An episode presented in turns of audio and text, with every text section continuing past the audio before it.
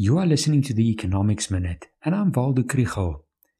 This week there was not much new economic data, but there were at least some clues as to how the economy is doing.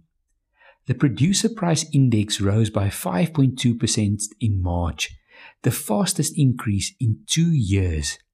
Economists are not sure if this will lead to higher consumer prices. The increase in fuel prices played a role, but a large part of the price increase were those of food, beverages, and tobacco products, which increased by 6.8%.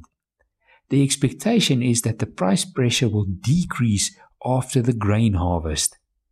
Meanwhile, the housing market is experiencing an unexpected mini boom.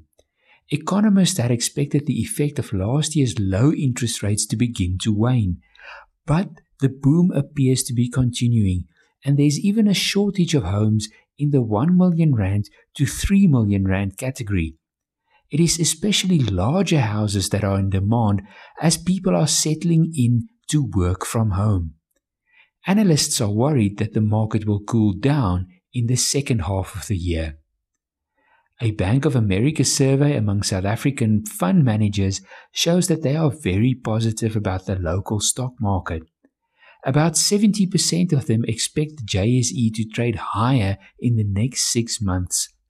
The All Share Index has already grown 13% in dollar terms this year. It is especially resource companies that are doing well. If you want to learn more about the economy, follow the Econ 101 page on Facebook.